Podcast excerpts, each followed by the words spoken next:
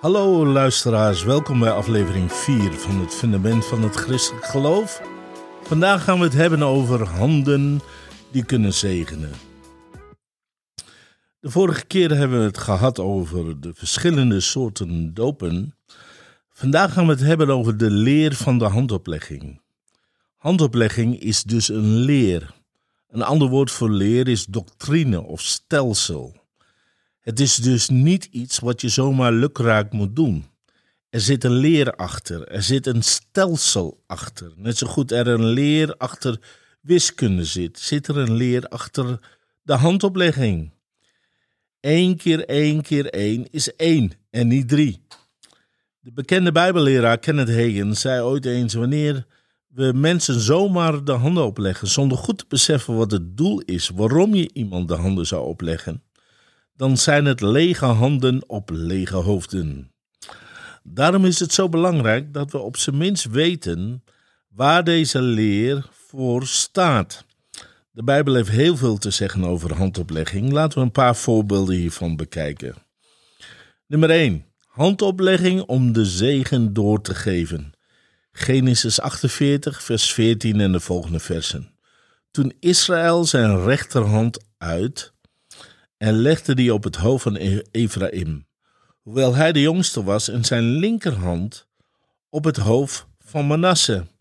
Hij legde zijn handen kruiselings, of schoon Manasse de eerstgeborene was, en hij zegende Jozef en zeide: God voor wiens aangezicht mijn vader en Abraham en Isaac gewandeld hebben, God die mij als herder geleid heeft, mijn leven lang tot op deze dag, de engel die mij verlost heeft uit alle nood, zegenen deze jongelingen, zodat in hen mijn naam en die van mijn vaderen, Abraham en Isaac, voortleven en zij in menigte mogen toenemen in het land. Als je wil weten waarom Jacob, dat is Israël, zijn handen kruiselings op zijn kleinzoons legde, want zij, want zij waren de zonen van Jozef, moet je dit hoofdstuk zelf verder goed lezen. Hoe het ook zij, door middel van de handoplegging gaf Jacob de zegen door. In Marcus 10, vers 13 tot en met 16 lezen we dat Jezus ook de kinderen de handen oplegde om hun te zegenen. Dat is wat wij doen wanneer we bijvoorbeeld onze kinderen opdragen. Er is ook een handoplegging voor het overdragen van de zonde. Leviticus 16, vers 21 tot en met 22. En Aaron legde beiden op de kop van de levende bok. Uh, en Aaron zal, de, zal zijn beide handen op de kop van de levende bok leggen. En over hem zal al de ongerechtigheden der Israëlieten en al hun overtredingen in al hun zonden beleiden. Hij zal die op de kop van de bok leggen en die door iemand die daarvoor gereed staat naar de woestijn laten brengen. Zo zal de bok in al hun ongerechtigheid op zich dragen naar een onvruchtbaar land en hij zal die bok in de woestijn vrijlaten. U heeft ongetwijfeld van de uitdrukking zondebok gehoord. Een zondebok is iemand die altijd, van, die altijd van alles de schuld krijgt. Maar niet velen beseffen dat de zondebok van Leviticus 16 een profetische heenwijzing is naar het plaatsvervangend lijden van de Heer Jezus. Dus wanneer er staat in 1 Korinthe 5 vers 21 dat Jezus voor ons tot zonde is gemaakt, wil niet zeggen dat hij letterlijk zonde werd, Net zo goed het bokje in Leviticus niet letterlijk tot zonde werd. Zonde werd hem echter toegekend of toegerekend. Dit is een juridisch taalgebruik. En dit gebeurde in Leviticus 16 door middel van handoplegging. Is dat niet merkwaardig? Dan is er een handoplegging om de geest van wijsheid door te geven. Deuteronomium 34, vers 9, daar staat het volgende. Jozua nu, de zoon van Nun, was vol van de geest der wijsheid, want Mozes had zijn handen op hem gelegd. Hier zien wij dat door handoplegging de geest van wijsheid werd doorgegeven. Door handoplegging kan er een overdracht, een transfer plaatsvinden. Door handoplegging kan iets wat jij van God hebt ontvangen overgedragen worden aan de ander.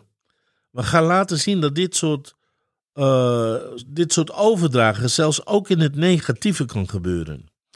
Daarom is het zo belangrijk dat je weet hoe je aan dit fundament moet bouwen en niet zomaar lukraak iedereen de handen moet opleggen.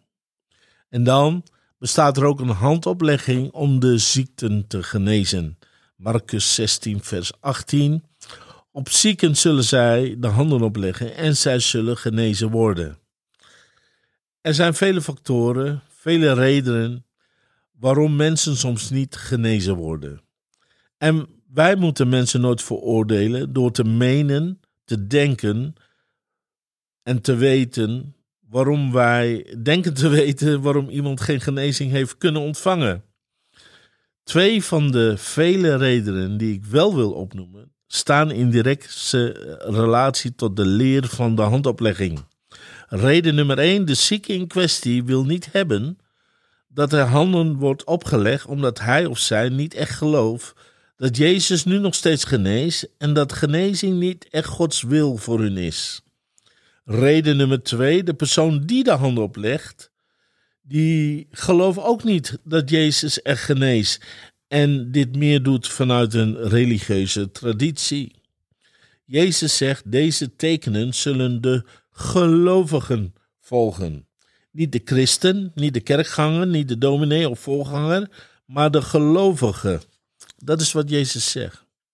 Nou, als jouw kind of vrouw of man echt goed ziek is, heb je dan wel eens jouw handen op de zieke gelegd? Of bel je meteen de huisarts op?